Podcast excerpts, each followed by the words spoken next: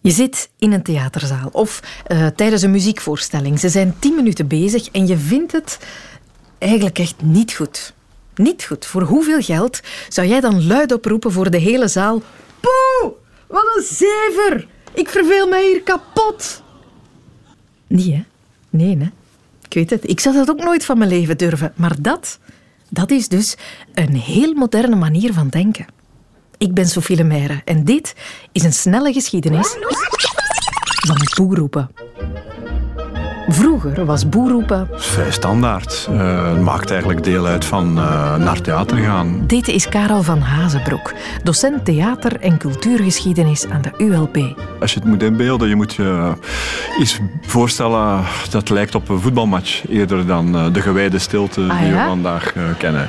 Ja, tot diep in de 19e eeuw, zelfs een stuk van de 20e eeuw, werd er gejoeld, geroepen, deeltjes gesloten, tot en met geurineerd tegen de theaterwand, uh, met van alles gegooid. Uh, dus uh, ja, rock and roll galore. Al van beide oude Grieken ging het zo. Het theater van vroeger dat had echt niks te maken met de in stilte gewijde kunsttempels die wij vandaag kennen. We hebben daar een compleet vertekend uh, beeld van. Hè. Het feit dat um, een theater een kunsttempel is, is uh, iets heel recent. Het theater is altijd in oorsprong een populaire kunstpraktijk geweest.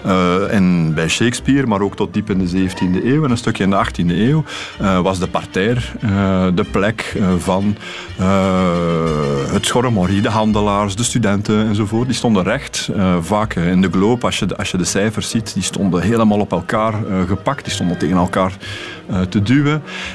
iets boven zaten de, in de balkon zaten de meer gegoeden. die pit, vandaar ook moshpit. Nee, duwen ja, ja. en trekken. die pit of parterre was eigenlijk het echte spektakel. je kon dan uit die balkons naar beneden kijken, naar alles wat daar gebeurde. Eind 19e eeuw werd er in Parijs, waren er handelaars die gespecialiseerd waren in het verkopen van rot fruit. Ah, dat je dan kon keilen naar die arme, naar die arme acteurs. Wat een fantastische avondjes uit moeten dat geweest zijn. In het beste geval paste de auteur zijn stuk zelfs aan op basis van die feedback uit de zaal. Shakespeare bijvoorbeeld, die deed niks anders.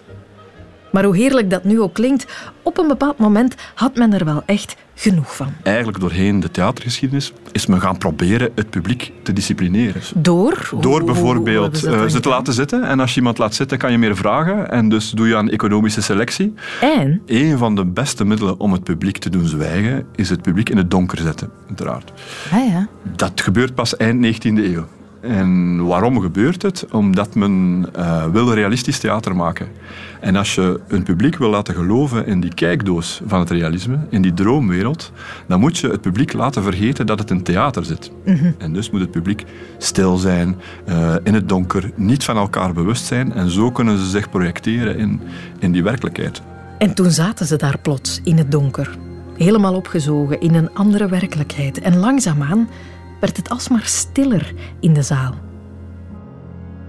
Het werd zo stil dat niemand nog durfde te kuchen, nog durfde te bewegen, dat haast niemand nog durfde te ademen, om toch maar zeker de grote kunstenaar aan het werk niet te storen.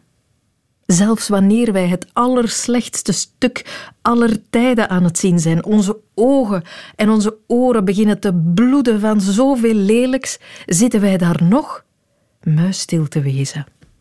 Hoe braaf zijn wij eigenlijk? Oh, oh ja.